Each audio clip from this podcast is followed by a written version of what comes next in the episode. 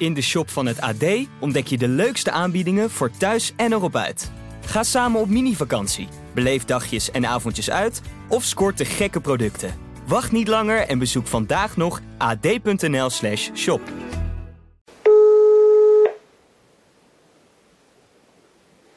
Hey, Carla. Hey Marco. We hebben mail. We hebben mail.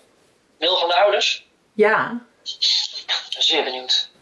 Geachte mevrouw van der Wal, wij ontvingen uw brief van 10 november jongsleden en wij waarderen dat u de moeite heeft genomen persoonlijk een geschreven brief bij ons in de brievenbus te doen.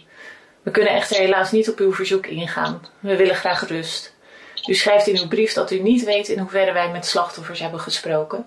We hebben destijds inderdaad slachtoffers gesproken en nog steeds hebben wij contact met enkele van hen. Het spreekt vanzelf dat deze contacten strikt vertrouwelijk waren en nog steeds zijn. Het spijt ons u niet anders te kunnen berichten. Met vriendelijke groet, Hans en Marieke van der Vlis. Ah, net de brief. Alleen, eh, ik had stiekem toch wel een beetje de hoop gekregen. Omdat het zo lang duurde voordat ze reageerden. Dat ze serieus aan het overwegen waren om met ons in gesprek te gaan. Ja, misschien hebben ze dat ook wel gedaan, hè? Maar goed, we hebben het er eerder over gehad van ja, wat, wat hebben ze nou te winnen? En ja, ze willen graag rust, maar ik vraag me af of je die ooit vindt. Ja, dat is een hele goede vraag. En het lijkt me extra lastig eh, om die rust te vinden als je toch gewoon nog woont op de plek waar het allemaal gebeurd is. En nog dagelijks komt in het winkelcentrum waar het allemaal gebeurd is. Of misschien niet dagelijks, maar dan wekelijks. Oftewel je zit nog volop in die omgeving. Wel bijzonder dat ze nog altijd eh, contact hebben met, eh, met sommige slachtoffers. Ook wel mooi. Ja, dat wisten we niet. En dat is toen de tijd wel genoemd als optie. Ehm, en kennelijk is dat toch van de grond gekomen. Dat zal wellicht hen helpen, maar vooral ook die nabestaanden helpen, denk ik. Ja, ik denk dat dat inderdaad wel helend is. Mijn naam is Marco, verslaggever bij het AD. En als je mij vraagt wat een zaak is die ik nooit vergeet, dan moet ik direct denken aan het schietdrama bij winkelcentrum De Ridderhof in Al van der Rijn. Waar Tristan van der Vlis op die zonnige zaterdag 9 april 2011 het vuur opende op nietsvermoedende buurtgenoten die een boodschap deden. Heel veel zaken zijn destijds al onderzocht. Maar mijn collega Carla en ik hebben nu, tien jaar later, nog zoveel vragen. Daarom proberen we nu de complete puzzel te leggen. En is onze allesomvattende vraag: wat dreef Tristan? Wat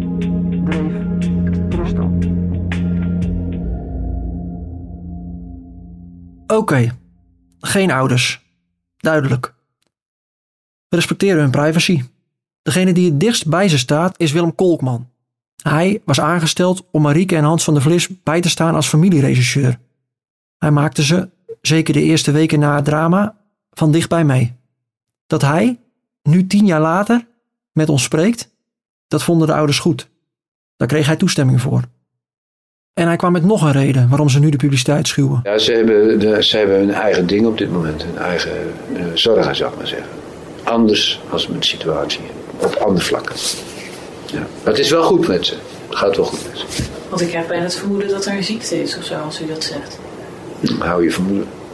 Vermoed wat je vermoedt. Hij legt ons eerst zijn rol uit, die tamelijk nieuw was in die situatie. Een familieregisseur staat buiten het onderzoek, is er voor nabestaanden en is de verbinding tussen het tactisch team met opsporingsbelang en de belangen van een nabestaande met alle trauma's, ellende en gebrek aan informatie. Journalisten die in de bosjes lagen, bedreigingen, verhoord worden, een gesprek met de burgemeester, een schuldgevoel en het verlies van je zoon. Ga maar aanstaan. Kolkman had voor het eerst contact met ze de dag na de schietpartij. Hij wil ons wel vertellen over hoe hij hen aantrof in een safe house. Dat de ouders zelf hadden geregeld omdat de situatie in Alphen te bedreigend was. Ja, eigenlijk ga je. Ze, ze zijn aangeslagen. Ze, ze, met elkaar eigenlijk een beetje verdwaasd. Uh, je weet ook nog niet wat er gebeurd is. Hè? En, en, en, hoe het allemaal gegaan is en wat het allemaal betekent en zo. Dus het is. Uh, het, het, is meestal, meestal, in dit geval was het ook uh, stil, kalm, rustig. nog niet beseffende wat er allemaal gebeurd was. En dan, dat, is wel, dat is wel een situatie waarop je, waarop je in kan steken. Want ze zijn afhankelijk ook van informatie. Wat is er nou precies aan de hand en, en, en zo. Hoeveel slachtoffers, dat soort zaken. En dus je gaat vertellen. En zo ga je eigenlijk direct al aan de slag. En dan tussendoor, ja, natuurlijk zijn er eh, heftige verdrietsmomenten. En dan, ja, ik, persoonlijk, meestal trek me dan, ja, ik trek me niet terug, maar dan ben ik gewoon rustig. Dan laat ik dat, laat gaan en dan wacht ik af tot ze weer in staat zijn. En is het al te ernstig, dan, meestal vraag ik uh, of ze geestelijke bijstand willen. Er zijn nog wel mensen die religieus zijn in dit land. Ik vraag of ze medische bijstand willen. Uh, slachtofferhulp introduceren. Eigenlijk direct al. Maar het is niet aan uw arm om in te slaan? Nou, het is niet aan hem. Er gebeuren zoveel dingen op zo'n moment. Als dat, als dat nodig is, dan ik dat ook. Niet met corona. maar als het nodig is, dan gebeurt dat net zo goed. Natuurlijk wel. Uiteindelijk ook gebeurt dat best wel regelmatig, zou ik wel zeggen. Omdat je uiteindelijk een band opbouwt. Dus het, dus, dus, je zit natuurlijk wel heel dicht bij die mensen in hun kwetsbare omgeving, in hun kwetsbaar zijn. We legden Kolkman onze vragen voor. Nou, eigenlijk die ene vraag die ons zo bezighoudt. Waarom wilden pa en ma van de Vlis terug naar hun woning? Op 200 meter afstand van het winkelcentrum waar hun zoon zo'n bloedbad aanrichtte. Kijk, je moet je zo voor de mensen, de mensen zijn uit huis gegaan, gevlucht eigenlijk. Maar later komt dan het besef, je wil natuurlijk ook wel zo snel mogelijk weer terug naar je eigen, je eigen veilige, voor jou veilige, uh, rustige omgeving. Maar daar ligt ook al die herinnering. Ja, daar ligt ook herinnering, ja. Maar deze mensen wilden toch graag naar, uh, naar huis terug, ja. Ik vind dat... Dat was vrij snel, dat klopt wel. Ze wilden wel vrij snel terug. Ja dat kon niet, ook niet altijd vanwege tactische omstandigheden. Ja, want ze twee, drie maanden zijn ze wel weg geweest. Ja, ze zijn vrij lang nog wel weg geweest. Maar ze wilden redelijk snel terug, ja, dat viel mij uh, ook wel op. Dat opvallend snel als je dat vergelijkt met al. Ja, want ik, ik heb, uh, even kijken hoe ik dat zeg. Laat ik het zo zeggen, er is mij nog gevraagd om met deze mensen in discussie te gaan om zo snel mogelijk maar te verhuizen vanwege de maatschappelijke onrust ik vond dat die mensen zelf de beslissing moesten maken. En, uh, dat, dat, uh, ik ga dat niet doen. Ik ga niet uh, aandringen op verhuizen. Mensen moeten zelf een veilige omgeving kiezen. Wie wilde dat dan? Ja, dat maakt niet zo uit. Kijk, zij, die mensen begrepen wel heel goed die maatschappelijke verontwaardiging. Dat snapten ze heel goed hoor. Echt heel goed. Dus daar, daar, daar wilden ze ook gewoon naar handelen. Dus het was in eerste instantie ook helemaal niet nodig dat ze verhuisden, want ze zouden toch in eerste instantie gewoon, vanwege het begrip dat ze dat wel snapten, uh, niet teruggaan. Later natuurlijk wel. En er is er verder helemaal niks gebeurd. Ze zijn gewoon teruggegaan, er is verder niks uh, bijzonders. Nee, maar het is wel... voor zover ik heb gehoord van. Het is wel een enorme vraag die ook nog leest in Alphen. Van, ja. van hoe kan je zo dicht bij het winkelcentrum wonen waar je zo zoiets... En die mensen dat die zelf dat nog willen, met die confrontatie. Ja, want het, natuurlijk Aha. is je veilige plek, maar dat huis ligt... Er ligt een weg tussen hè, en dan heb je het winkelcentrum. Ja, maar is dat niet vanuit de verwachting en de perspectief van mensen die tegen de situatie aankijken? En, en, en, ergens verwachten, dat is een vraag hè, van mijn kant. Ergens verwachten, er moet toch iets van compassie zijn met die, die slachtoffers zijn daar gevallen. Daar ga je toch niet dichtbij wonen. Terwijl dat voor, de, voor die ouders zelf misschien heel anders in hun hoofd zit. Ik weet wel dat ze de eerste tijd niet naar dat winkelcentrum gingen. Ik weet niet of ze er nu naartoe gaan. Dat weet ik niet. Uh, maar goed, uh, datzelfde geldt, hoor ik een beetje. Het is je eigen huis, hij heeft daar altijd. Het is dan, word je daar dan niet mee geconfronteerd? Ja, denk ik. Maar deze ouders die begrepen wel heel goed dat hun zoon ziek was. En dan kun je wel alles opzij zetten, maar mijn zoon was ziek. En hoe lang dat ook duurt, maar dat is wel een heel belangrijk gegeven om, om, om uh, mee om te gaan. Want als dat er niet zou zijn, wat dan wel? Waarom zou die dan die mensen hebben allemaal hebben vermoord? Die ziekte speelt een centrale rol in dit hele alfendrama. Ik weet nog wel dat wij soms. Uh, als familieregisseur de postbus in het begin leeghaalde voor deze mensen. En dat daar veel kaartjes in zaten met uh, sterkte en al dat soort uh, voor die ouders. Dat zegt dus een klein signaaltje. Dus ja, de, de, maar richting dat winkelcentrum, ik begrijp natuurlijk begrijp ik heel goed wat je bedoelt. Maar je hebt het er niet over gehad. Ik heb het er niet over gehad. En ik denk dat het goed is te bedenken dat het vaak uh, vanuit de emotie. Nou ja, laat ik het anders zeggen. Voor wie stel je die vraag? Ook in dit geval geldt dat.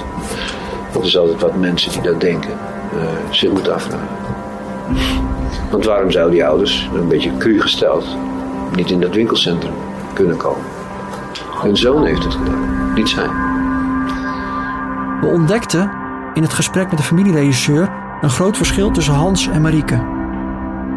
Moeder voelt zich schuldig richting nabestaanden en vader lijkt minder emotioneel. Maar we moeten oppassen om hierover te oordelen, zegt Koopman. Want die pijn was er bij vader ook zeker. Zijn manier van spreken, zijn manier van uiten, denk ik. Die, eh, die uh, ja, wat anders is als, uh, als dat je wel een beetje zou verwachten. Dat is zo. Hij is rationeel. En ik denk dat dat de oorzaak is. Hij uit niet zijn gevoelens naar buiten toe. Maar dat kan pijnlijk overkomen. Het zij zo. Want die pijn was er wel. Natuurlijk. Ja. Tuurlijk. Maar ja, dan moet je wel wat intensiever met hem omgaan. U heeft het wel gezien? Tuurlijk wel. Tuurlijk wel. En anders. En anders met hem over gesproken. Aan alles. En de rol van vader van de Vlis is natuurlijk essentieel. Hij ging immers met Tristan naar de schietclub. En de reden daarvoor horen we vaak terug. Zoals in ons gesprek met politiechef Tanea. Vader die heeft, heeft gezegd uh, van, uh, kijk, het schieten was ongeveer nog het enige wat ik met mijn zoon had. En dat, dat uh, heeft mij altijd wel heel erg geraakt. Tja. Vader Hans was een man van structuur en grip. Dat had hij niet op zijn zoon. Tristan leefde s'nachts en niemand wist wat er in zijn hoofd omging. Vader had nog één draadje met zijn zoon. Dat was de liefde voor wapens. Dat draadje dat is zeg maar een uiterste poging geweest om nog contact te hebben. Uh, een, po een, poging om contact te hebben. Uh, in de situatie waarin normaal contact helemaal niet mogelijk was. Dus deze vader was, deze ouders, mijn grootvader zei het op deze manier. Die was paans blij dat er nog een klein beetje contact met die jongen was. Ja. Want je kon, zij konden helemaal als, als zij goedemorgen zeiden tegen hun zoon, dan. Nee, vaak niet. Nee. Ja, wat ik daar een beetje, een beetje uit. Is een bizarre situatie is geweest. Eh, maar dat is ook bizar, want nachtenlang spoken is overdag raar. Ja, wat ben je dan nog? Het is, het is zo tegengesteld gedrag. Uh, dat, dat is niet meer normaal. Dat is al niet meer normaal. Daar kun je als ouder al slecht tegen. Ja, zeker als je gestructureerd bent. Iemand anders dan, die de ouders meermaals sprak. We hoorden hem al eerder in deze podcast. Uh, en dat had natuurlijk te maken met het feit dat ik hen uh, heb betiteld als dubbel slachtoffer. Bas Eenhoorn, de toenmalig burgemeester van Al van der Rijn. Ik ben geloof ik twee keer nog bij hen thuis geweest. Uh, even kijken, twee keer, misschien zelfs wel drie keer.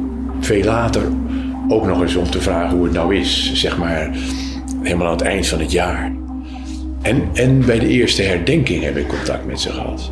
Eenhoorn legt achteraf alles bij elkaar. En dat hebben de ouders natuurlijk ook gedaan. Maar het blijft ingewikkeld. Wie had wat wanneer moeten doen? Je ziet ouders die ongerust zijn. Een, een uh, psychiater van de GG, GGZ die uh, het uh, beroepsgeheim belangrijk eikpunt, als belangrijk eikpunt heeft. Dus het, de begeleiding doet, maar ja, daar niet met anderen over praat. Een ongelukkig incident met een geweer waar de politie aandacht aan geeft. Uh, doet er is van de Vlis door die voet schoot, zal ik maar zeggen. en vervolgens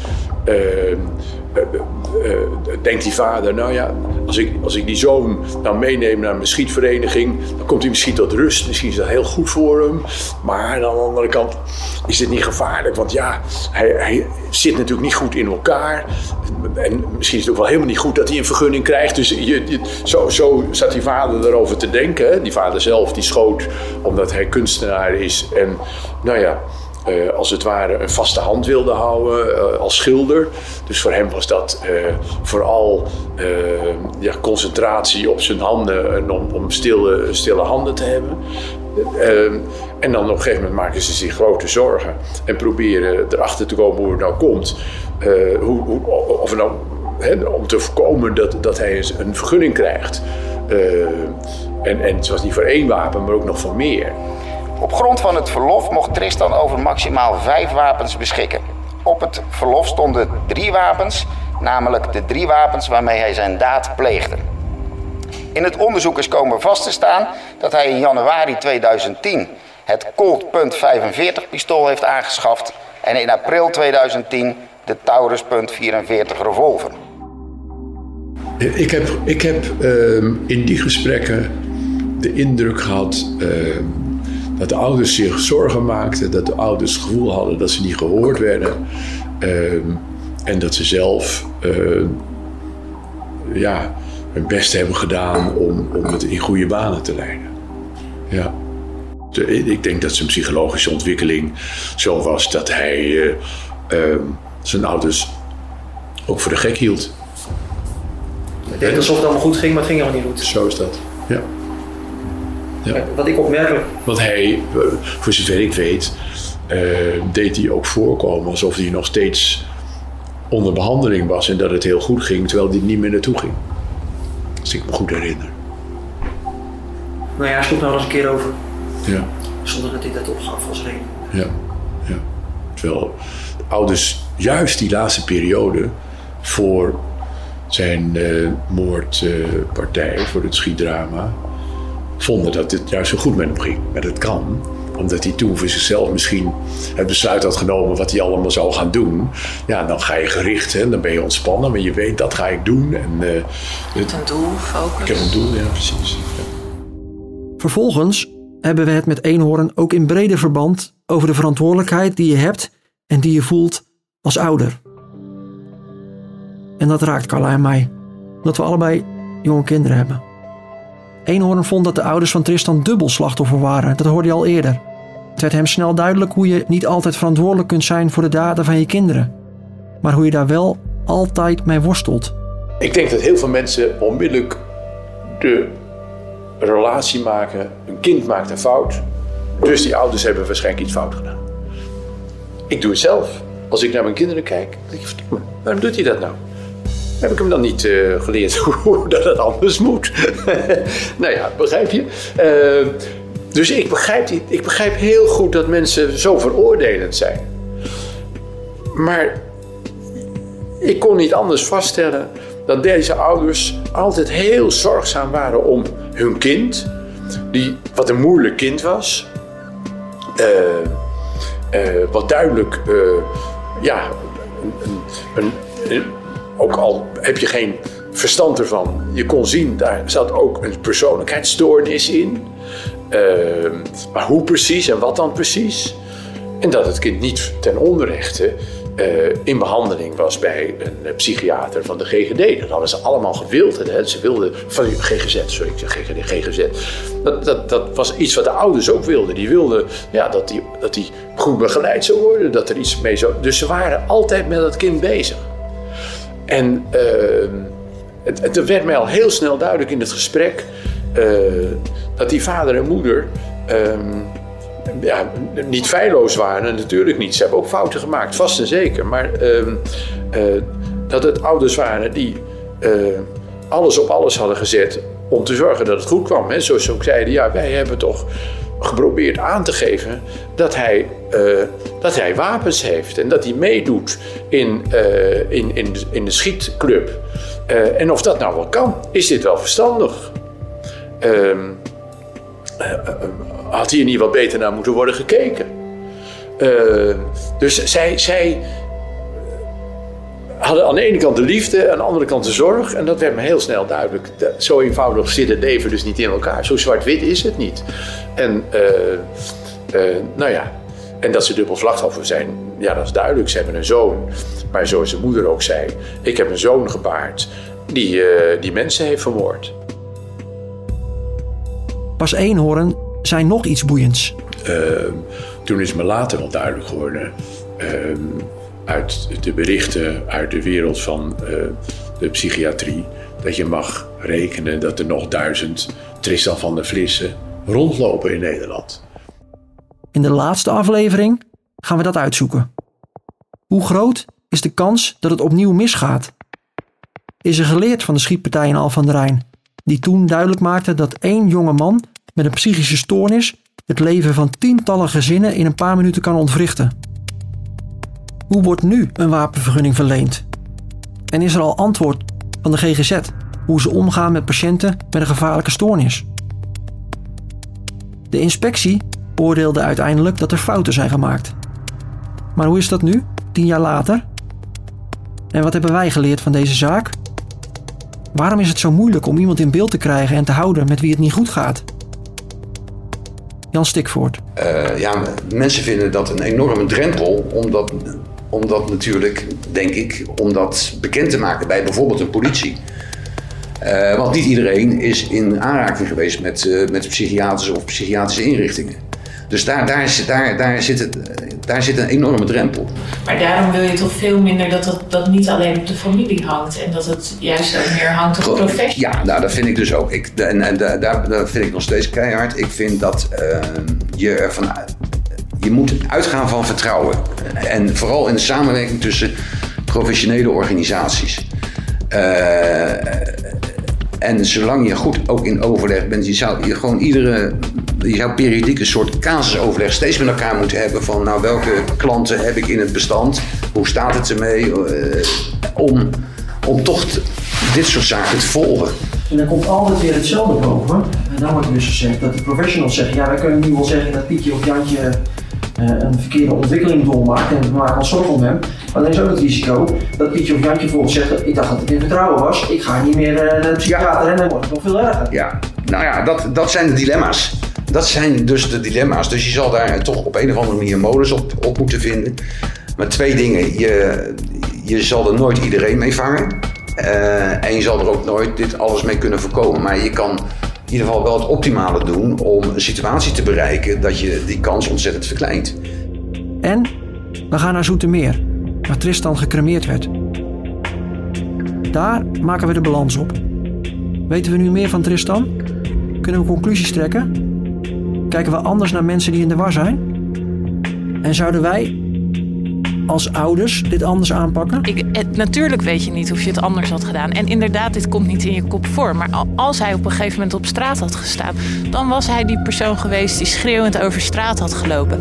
En dan was de politie gekomen en de politie had hem binnengezet. En dan was hij in elk geval weer in beeld geweest. Dat wel. Ik bedoel, maar dit zijn allemaal wat als vragen. En als je ergens in het leven helemaal niks aan hebt, zijn het wat als vragen.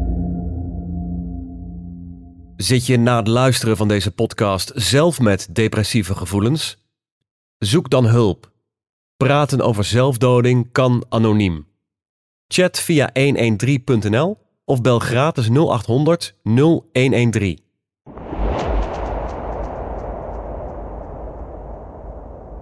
Wat dreef Tristan is een podcast van het AD. Meer podcasts? Ga naar www.ad.nl/podcast.